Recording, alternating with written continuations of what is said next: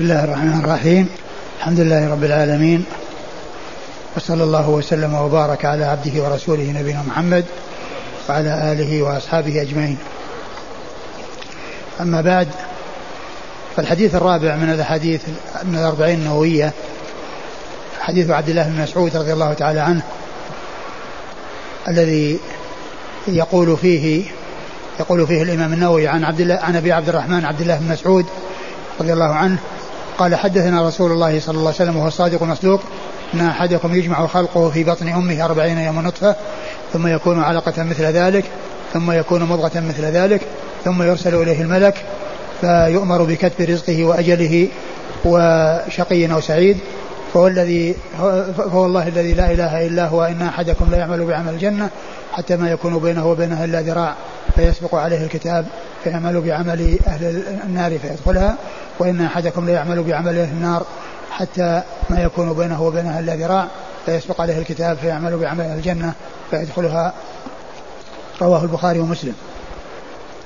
هذا الحديث آه بدأه عبد الله بن مسعود رضي الله عنه عند إخباره بتحديث النبي صلى الله عليه وسلم أصحابه بقوله هو الصادق المصدوق أولا قال حدثنا رسول الله صلى الله عليه وسلم وهذا فيه بيان أصل تسمية السنة حديث وأنه يقال لها حديث لأنها حديث الرسول صلى الله عليه وسلم لأصحابه كان يحدثهم.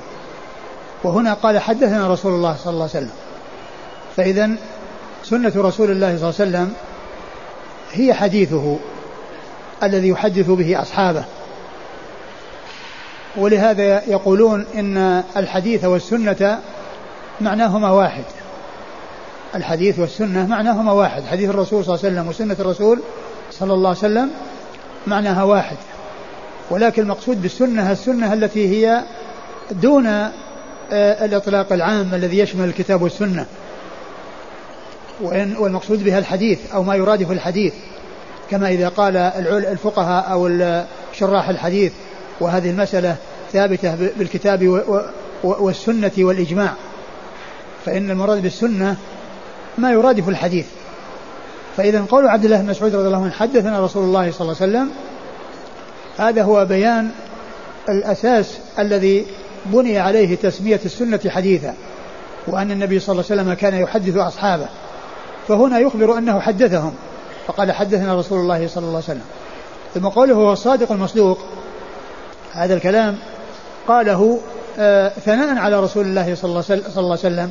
ليس معنى ذلك أن المقام مقام احتمال أن يكون هناك شك وأن من الناس من يشك بهذا الخبر بل كل ما أخبر به الرسول صلى الله عليه وسلم فهو حق وصدق ويجب تصديقه. وهذا هو معنى شهادة أن محمد رسول الله صلى الله عليه وسلم لأن معناها تصديقه فيما أخبر. وامتثال ما ما أمر به والانتهاء عما نهى عنه وألا يعبد الله إلا طبقا لما جاء به صلى الله عليه وسلم.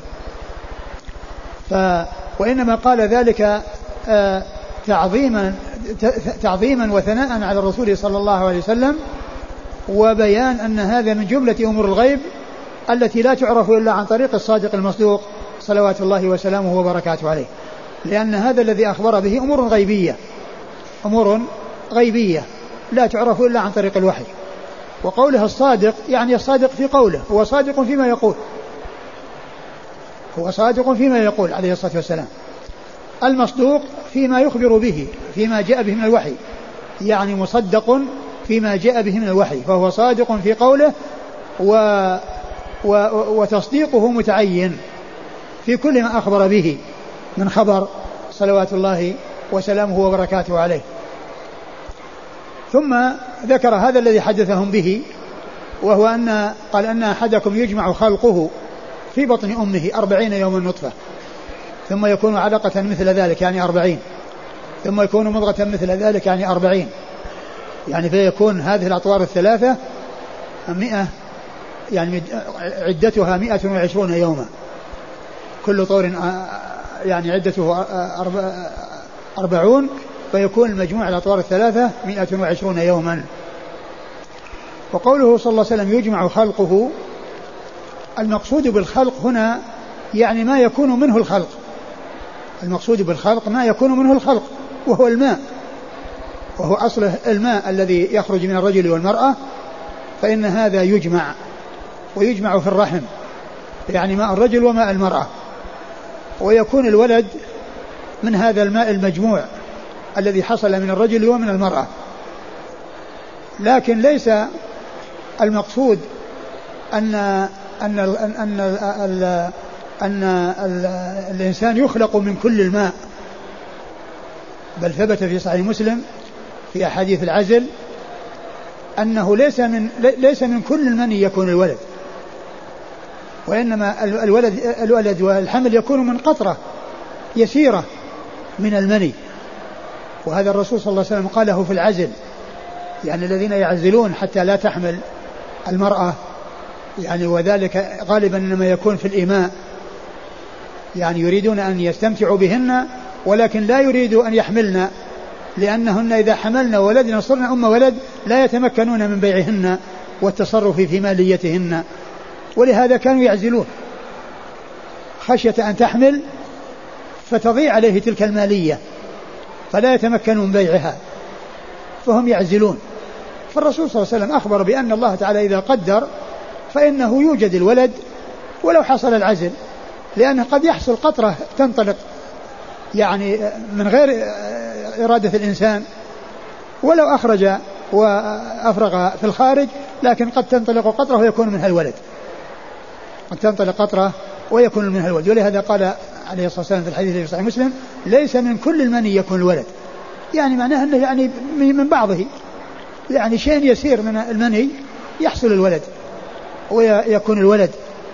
فليس المقصود من ذلك أنه يكون من جميع المني وأن الإنسان يعني إذا إذا أخرج إذا أخرج وأفرغ في الخارج فإنه يكون بذلك معناه أنها خلاص يعني ما يصير ولد لأن الولد يمكن يكون في قطرة تنطلق دون أن يشعر الإنسان أو دون أن يريد الإنسان ثم يكون منها الولد ولا أخرج ما أخرج وأفرغه في الخارج. فإذا قوله يجمع خلقه في بطن أمه أي يعني ما يكون منه خلقه. والذي منه خلقه هو الماء. كما قال الله عز وجل خلق من ماء دافق وقال ألم نخلقكم من ماء مهين؟ فجعلناه في قرار مكين إلى قدر معلوم. يعني وهذه النطفة. وهذه النطفة هي هي الماء القليل اليسير جدا. فيكون فتكون هذا يعني في الرحم أربعين يوما وهي نطفة ماء قليل. ثم بعد ذلك تتحول إلى قطعة من اللحم يعني قطعة دم متجمد يعني يسير. ثم تكون وهي العلقة ثم تكون بعد ذلك أربعين بعد ذلك تتحول إلى مضغة وهي قطعة من اللحم على قدر ما يأكله الآكل. على قيل لها مضغة يعني على قدر المضغة. ثم إذا وصلت يعني هذه المرحلة التي هي الطور الثالث الذي تكون فيه مضغة تكون يعني بعد ذلك هذه المضغة مخلقة أو غير مخلقة كما قال الله عز وجل يا أيها الناس وإن كنتم في ريب من البعث فإنا خلقناكم من تراب ثم من نطفة ثم من علقة ثم من مضغة مخلقة وغير مخلقة. والمخلقة هي التي صورت ويعني آه، حصل فيها التصوير وغير المصور المخلقة هي التي قطعة لحم على ما هي عليه ما حصل فيها تصوير. وفي هذه الحال تخلق ثم بعد ذلك قد تستمر قد تستمر ويكون النفخ الروح بعد آه، نفخ الروح بعد كمال آه، آه، الأربعين الثالثة وقد تسقط قبل ذلك فيكون يعني دما فاسدا أو قطعة لحم ليس فيها خلق إنسان. ليس فيها خلق إنسان ولا يترتب على سقوطها حكم من الأحكام يعني التي تترتب بعد سقوطها بعد بعد نفخ الروح بعد أن تكمل المئة والعشرين يوما وتنفخ الروح ثم بعد ذلك تسقط فإن الحال يختلف عن سقوطها إذا سقطت قبل ذلك التي هي قبل 120 يوما. فهذه الأطوار الثلاثة تنتهي بمئة وعشرين يوما. ثم بعد ذلك يكون نفخ الروح. يكون نفخ الروح تنفخ الروح في هذا الجسم. وهذا الجسد الذي صور وخلق وصار على الهيئة التي عليها الإنسان وبذلك يكون حيا. وبذلك يكون حيا وحصلت له الحياة. قبل ذلك هو ليس بحي. هو ميت. يعني من حين صار نطفة إلى أن نفخت فيه الروح لا يعتبر حيا وإنما يعتبر ميت. وهذه هي الموتة الأولى التي ذكرها الله عز وجل في القرآن في آآ آه، آآ آه، ذكر الله في القرآن أن أن أن أن الناس لهم موت لهم موتتين وحياتين. كما قال الله عز وجل عن الكفار قالوا أمتنا اثنتين وأحييتنا اثنتين. فالموتة الأولى هي هذه الحالة التي يكون الإنسان في بطن أمه قبل أن تنفخ فيه الروح يقال له ميت. يقال إنه ميت. وهذه الموتة الأولى من الموتات الأربع التي ذكرها الله عز وجل في هذه الآية من سورة غافر. وهاتان الموتتان والحياتان فصلهما الله عز وجل في أول سورة البقرة حيث قال كيف تكفرون بالله وكنتم أمواتا فأحياكم. يعني أنكم كنتم نطفا وكنتم علقة وكنتم مضغة. يعني ليس فيكم حياة فأحياكم بأن نفخ الروح. بعد تمام المئة والعشرين كما جاء في حديث مسعود فهذه الموتة الأولى. كيف تكفرون بالله وكنتم أمواتا فأحياكم. فأحياكم حصل نفخ الروح ثم هذه الحياة تستمر إلى بلوغ الأجل. ثم يأتي الموت عند نهاية الأجل وهي الموتة الثانية. وهي من الموت إلى البعث. ولكن هذه الموتة لا ينافيها أن يكون الإنسان حيا حياة برزخية وأنه ينعم في قبره ويعذب في قبره. يعني الروح والجسد كل منهما يعذب في القبر. لا ينافي تلك الموتة التي حصلت بانتهاء الحياة الدنيا لأن هذه الحياة التي هي الحياة البرزخية لا يعلم كيفيتها إلا الله سبحانه وتعالى. لكن الإنسان بمغادرة هذه الحياة ومن فارقة هذه الحياة يكون قد مات. ولكن لا ينافيه ما جاء ما من النصوص من, من, من, من, من كتاب الله عز وجل وسنة رسوله صلى الله عليه وسلم أن الإنسان ينعم في قبره ويعذب في قبره. لأن هذه حياة برزخية الله أعلم بكيفيتها لكن الموت حصل. ثم الحياة الثانية هي الحياة بعد البعث وهي التي تكون مستمرة إلى غير نهاية. الحياة بعد البعث تكون مستمرة إلى غير نهاية. والإنسان إما منعم وإما معذب إما من أهل الجنة ويكون مستمرا فيها إلى غير نهاية وإما من أهل النار ويكون مستمرا فيها إلى غير نهاية إذا كان من الكفار وإن كان من المسلمين فإنه يعذب في النار على قدر جرمه إن, إن, إن لم يتجاوز الله عنه ويعفو عنه ولا يعذبه في النار ولكنه إن عذبه فإنه يخرج من النار ويدخل الجنة. وبعد ذلك آه، والحياة مستمرة من حين البعث والنشور إلى غير نهاية. إلى غير نهاية. فإذا هذا الذي أو هذه الأمور التي قبل نفخ الروح فيه هي الموتة الأولى التي جاءت في القرآن. في التي جاءت في سورة غافر في ذكر الموتتين والحياتين وفي سورة البقرة التفصيل يعني لهذه الموتات الأربع وهي الموتة الأولى التي تكون قبل نفخ الروح. وذلك حيث يكون مضغة وحيث يكون علقة و و وماء مهينا و آه، فهي فهي الموتة الأولى. وكما ذكرت الله عز وجل جمع أو فصل هذه الموتات الأربع في آية البقرة وكذلك أيضا الآية التي في سورة الحج. والله وهو الذي أحياكم ثم يميتكم ثم يحييكم. وهو الذي أحياكم يعني بعدما كنتم أمواتا. والموت هو الذي كان بعد وجود آه، خلق الإنسان ولكن لم تنفخ فيه الروح. وليس المقصود من ذلك أنه آه، أنه العدم قبل أن آه، توجد النطفة. يعني فإن العدم لا يوصف بالموت. والله عز وجل أخبر بأن الموت يعني مخلوق وقال هو الذي خلق الموت والحياة. يعني فهو من الصفات الوجودية وليس من الصفات العدمية. ولهذا قال أنه خلق الموت. وإذا فالموت يعني آه، آه، آه، الموتة الأولى هي الحالة التي يكون الإنسان فيها في بطن أمه قبل أن تنفخ فيه الروح وقبل أن تحصل له الحياة باجتماع الروح والجسد لأنه باجتماع الروح والجسد تحصل له الحياة وقبل ذلك الحياة غير موجودة. وإذا نزعت الروح من الجسد في آخر عمره ودفن الميت خرجت الروح من الجسد فصار الموت ولكن الروح لها اتصال بالجسد وتنعم متصلة بالجسد وتعذب متصلة بالجسد ومنفصلة عنه وأمور البرزخ من أمور الغيب التي لا يعلمها إلا الله سبحانه وتعالى. فإذا مضت هذه الأحوال الأربع أو الأحوال الثلاث وهذه الأطوار الثلاثة التي ذكر الله عز وجل جاءت في هذا الحديث وقد ذكرها الله عز وجل في سورة آه، آه، الحج. آه، قد جاء في سورة المؤمنون ذكر الأطوار يعني وكيفية خلق الإنسان أكثر مما جاء يعني في في هذا الحديث وفي آية الحج. وذلك في قول الله عز وجل ولقد خلقنا الإنسان الإنسان من سلالة من طين ثم جعلناه نطفة في قرار مكين. ثم خلقنا النطفة علقة فخلقنا العلقة مضغة فخلقنا المضغة عظاما ثم كسونا العظام لحما ثم أنشأناه خلقا آخر. فذكر سبعة أحوال في هذه الآية. يعني من خلق آدم إلى أن خلق الإنسان على هيئته الكاملة التي هي الخلق الذي قال الله عز وجل ثم أنشأناه خلقا آخر فتبارك الله أحسن الخالقين.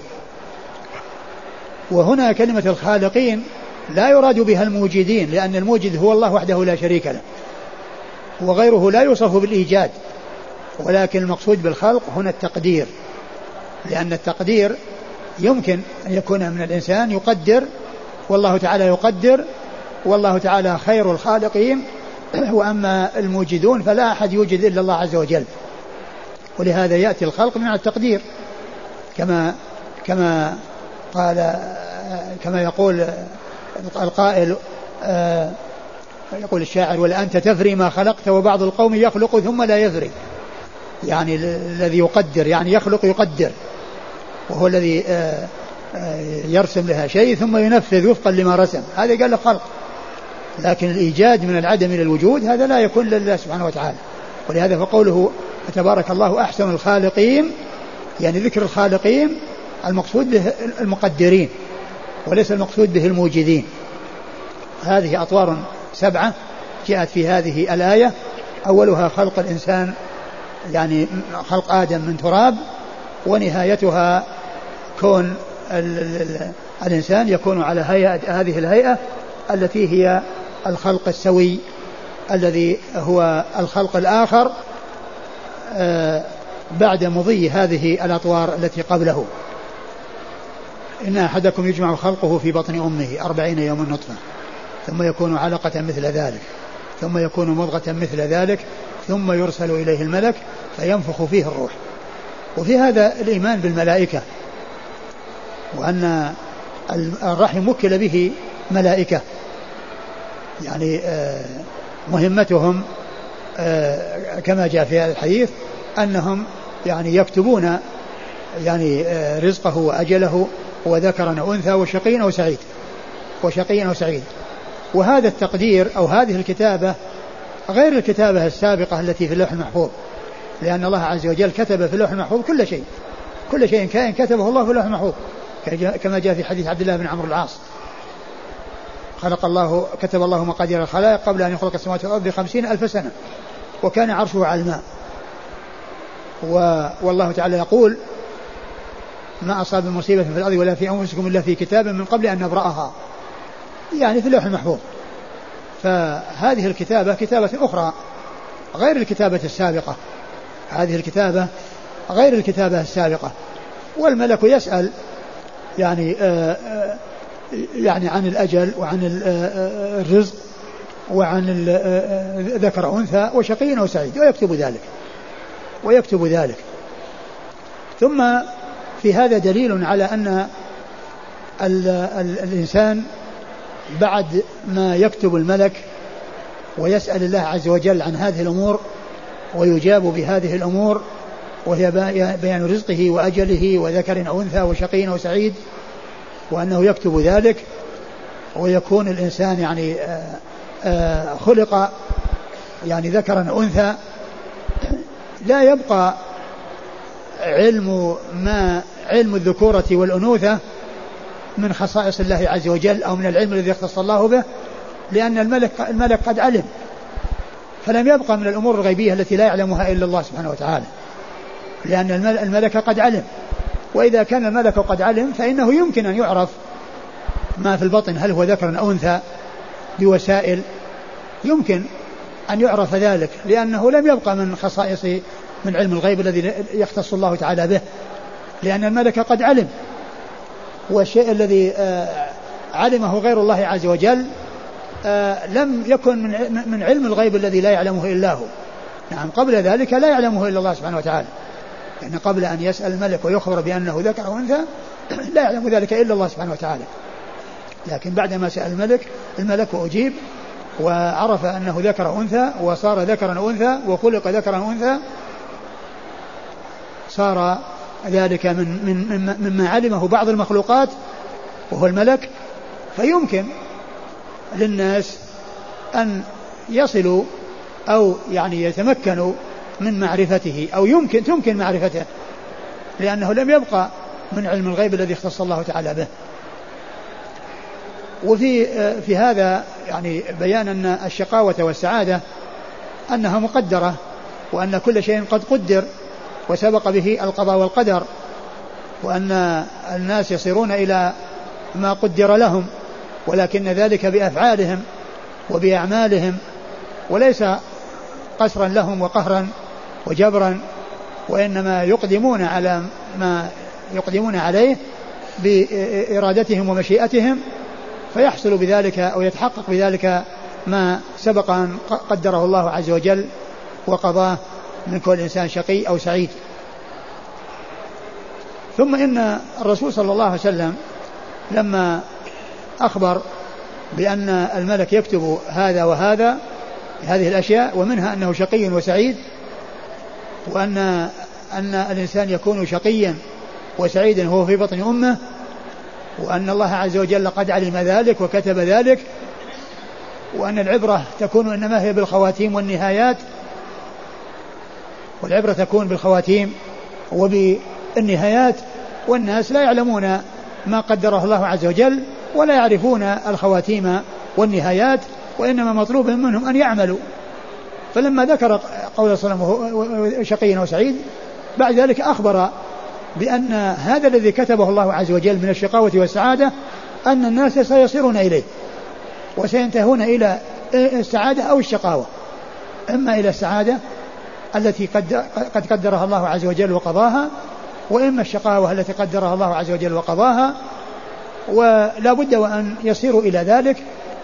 قال عليه الصلاة والسلام بعد ذلك بعد قوله شقين وسعيد فوالله الذي لا إله إلا هو وهذا فيه الحلف لتأكيد الأمر في نفس السامع وإن لم يستحلف على ذلك وهذا لزيادة تأكيد تحققه وإلا فإن الخبر يعني يجب تصديقه حلف عليه أو لم يحلف من رسول الله صلى الله عليه وسلم لكن هذا من زيادة التأكيد لأن القسم يؤتى به للتأكيد. فالخبر هو صادق حلف عليه أو لم يحلف لكن الاتيان بالحلف زيادة في تأكيد حصوله ووقوعه آآ طبقا لما أخبر به الرسول الكريم صلى الله عليه وسلم. إن أحدكم ليعمل بعمل أهل الجنة يعني بأعمال البر التي هي خير والتي ثمراتها ونتائجها الوصول إلى الجنة حتى ما يكون بينه وبينها إلا ذراع يعني ما يكون بينه وبين بلوغ الأجل إلا شيء يسير شيء يسير قليل جدا. يعني هذا فيه إشارة إلى قطعة من الوقت أو جزء من الوقت إذا جاء أو إذا بقي هذا الوقت يحصل والعياذ بالله أن الإنسان يحصل له انحراف عن ذلك الذي كان عليه من الخير وكان عليه من البر وكان عليه من العمل الصالح فيسبق عليه الكتاب فيعمل بعمل أهل النار فيدخلها. يعني فيختم له بسوء والعياذ بالله. ويختم له بسوء. وتكون النهاية أنه ختم له بخاتمة السوء والعياذ بالله. ثم إن حصول هذا الذي حصل له في النهاية حصل بعمله. ولهذا قال فيعمل بعمل أهل النار. هو نفسه يعمل بعمل النار باختياره وإرادته ومشيئته. وفي هذا بيان أو في هذا هذه الجملة بيان أنه لا بد من من حصول الأمرين ولا بد من اعتقاد الأمرين.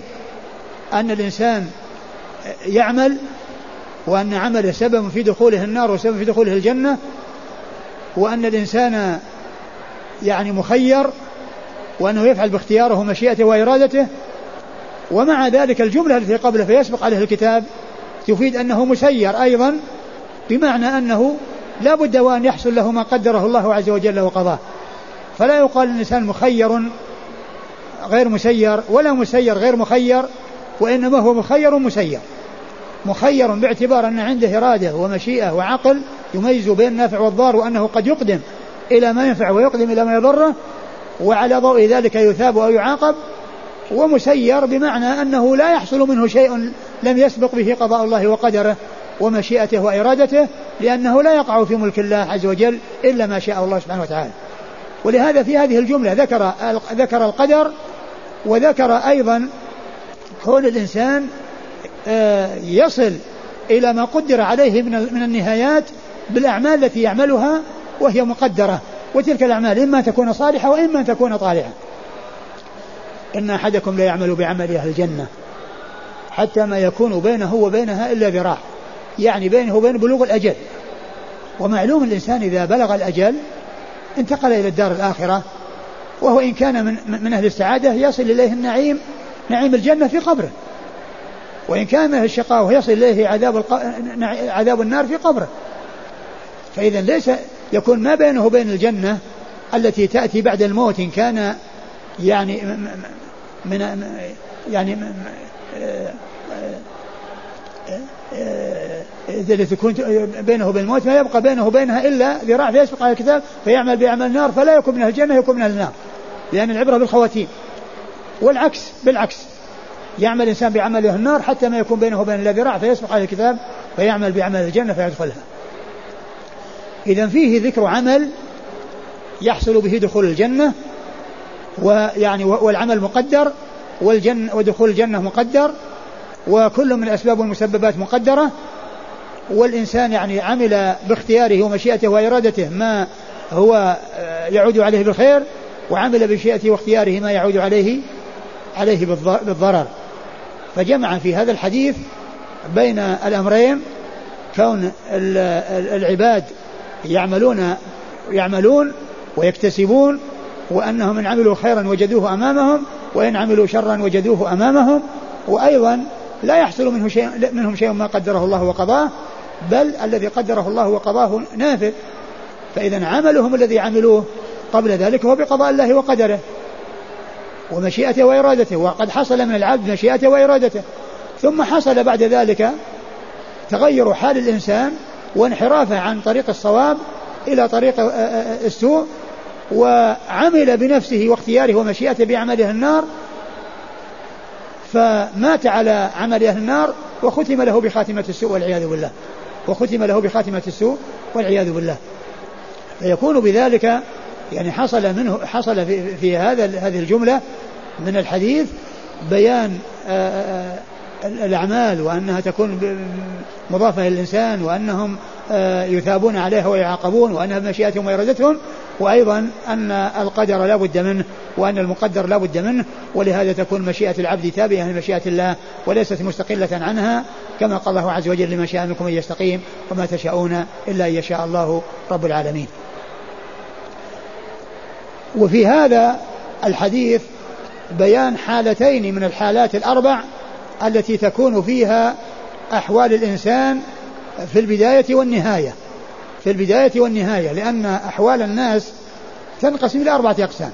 منهم من يكون نشأ ولد على على على, على الخير ونشأ عليه وختم له به فتكون بدايته ونهايته كلها حسنة. مثل الشاب الذي نشأ في طاعة الله عز وجل أحد السبعة الذين ظلهم الله في ظله شاب نشأ في طاعة الله عز وجل. فهو نشأ على خير واستمر على خير ومات على خير. فتكون بدايته ونهايته كلها خير. بداياته ونهاياته كلها خير. الثاني بالعكس وهو الكافر الذي ولد بين كافرين ونشأ على الكفر واستمر على الكفر ومات على الكفر. فالبداية سيئة والنهاية سيئة. هاتان الحالتان المتقابلتان يعني في آه، السعادة والشقاوة من البداية حتى النهاية من البداية حتى النهاية أسباب سعادة من البداية حتى النهاية أسباب شقاوة وينتج عن ذلك دخول الجنة أو دخول النار. يبقى حالتان وهما من تكون بدايته حسنة ونهايته سيئة. من تكون بدايته حسنة ونهايته سيئة. وهو الذي أشار إليه الرسول صلى الله عليه وسلم في الجملة الأولى بقوله إن أحدكم لا يعمل بعمل أهل الجنة حتى ما يكون بينه وبينها إلا ذراع. فيسبق عليه الكتاب فيعمل بعمل أهل النار فيدخلها لأن الأعمال بالخواتيم. وقد ثبت في الصحيح عن النبي صلى الله عليه وسلم أنه قال وإنما الأعمال بالخواتيم. وإنما الأعمال بالخواتيم. والحا و و وهذا يكون مثل ال ال ال ال الذين كانوا مسلمين ودخلوا في الإسلام واستمروا عليه وفي الآخر أدركهم الخذلان. فارتدوا عن الإسلام وماتوا على الردة. وماتوا على الردة. القسم الرابع العكس الذي تكون بداية سيئة ثم نهاية حسنة. وهي أنه يعمل بعمله النار طيلة حياته ثم في آخر الأمر يوفق فيدخل في الإسلام وبعد فترة وجيزة يموت.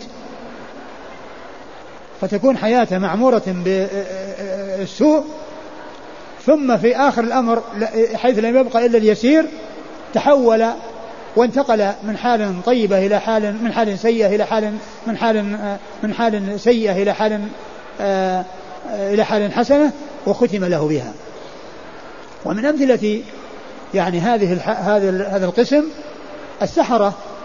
الذين يعني كانوا سحرة يعني مع فرعون فإنه كانت حياتهم كلها مبنية على الكفر والسحر.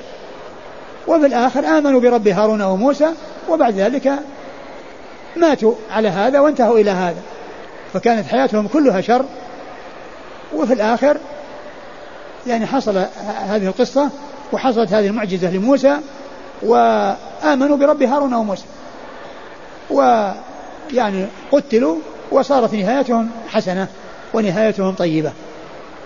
ومثل ذلك الحديث الذي ورد في البخاري عن أنس رضي الله عنه ان أن هناك أن غلاما من اليهود كان يخدم النبي صلى الله عليه وسلم فمرض فجاء فذهب إليه الرسول صلى الله عليه وسلم يعوده.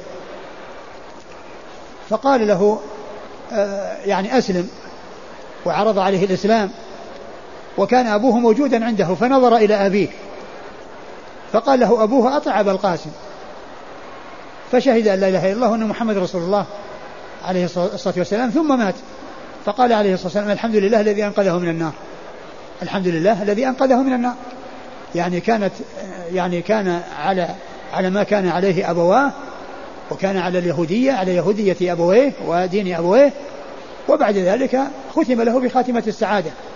فصار ما ليس بينه وبين الأجل وليس بينه وبين النهاية إلا شيء يسير جدا فشهد أن لا إله إلا الله وأن محمد رسول الله ومات ولم يعمل عمل. ومات ولم يعمل عملا. فختم له بخير وختم له بخاتمة السعادة. إذا أحوال الناس بالنسبة للبدايات والنهايات يعني في الخير والشر تنقسم إلى أحوال أربع. من بدايته ونهايته حسنة ومقابله من بدايته سيئة ونهايته سيئة ثم الثالث من بدايته حسنة ونهايته سيئة ويقابله من بدايته سيئة ونهايته حسنة فهذه هي الأقسام الأربع التي لا يخرج الناس عنها في بالنسبة للبدايات والنهايات. ويشبه ذلك يشبه هذا وقريب من هذا يعني من ناحية الانقسام إلى أربعة أقسام لا خامس لها يعني خلق الناس من من الذكر والأنثى. فإن القسمة أيضا رباعية لأن المخلوقات لأن البشر أربعة أقسام. منهم من خلق من ذكر من غير ذكر وأنثى وهو آدم فإنه خلق من تراب لم يخلق من ذكر ولا أنثى. وحواء خلقت من ذكر وعيسى خلق من أنثى وبقية الخلق خلقوا من ذكر وأنثى. وبقية الناس خلقوا من ذكر وأنثى. فإذا ثلاثة ثلاث ثلاث أحوال فيها ثلاثة أشخاص. آدم في حالة وهي أنه ليس من ذكر وأنثى وحواء من ذكر بلا أنثى وعيسى من أنثى بلا ذكر وبقية الخلق من ذكر وأنثى. وبقية الخلق من ذكر وأنثى. ومثلها أيضا انقسام الناس في الذكورة في, في, في, في, في, في الأولاد وتحصيل الأولاد. إلى أربعة أقسام. منهم من يكون له ذكور وإناث ومنهم من يكون له ذكور خلص ومنهم من يكون إناث خلص ومنهم من يكون عقيما. لا ليس ليس له شيء من هذا ولا من هذا. فهي أيضا قسمة رباعية.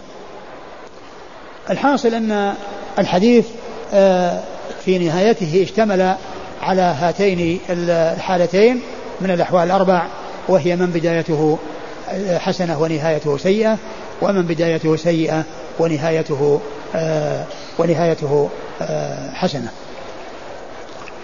آه هذا هو الذي يحضرني حول هذا الحديث والله تعالى أعلم وصلى الله وسلم وبارك على عبده ورسوله نبينا محمد وعلى آله وأصحابه أجمعين. جزاكم الله خيرا وبارك الله فيكم ونفعنا الله ما قلتم.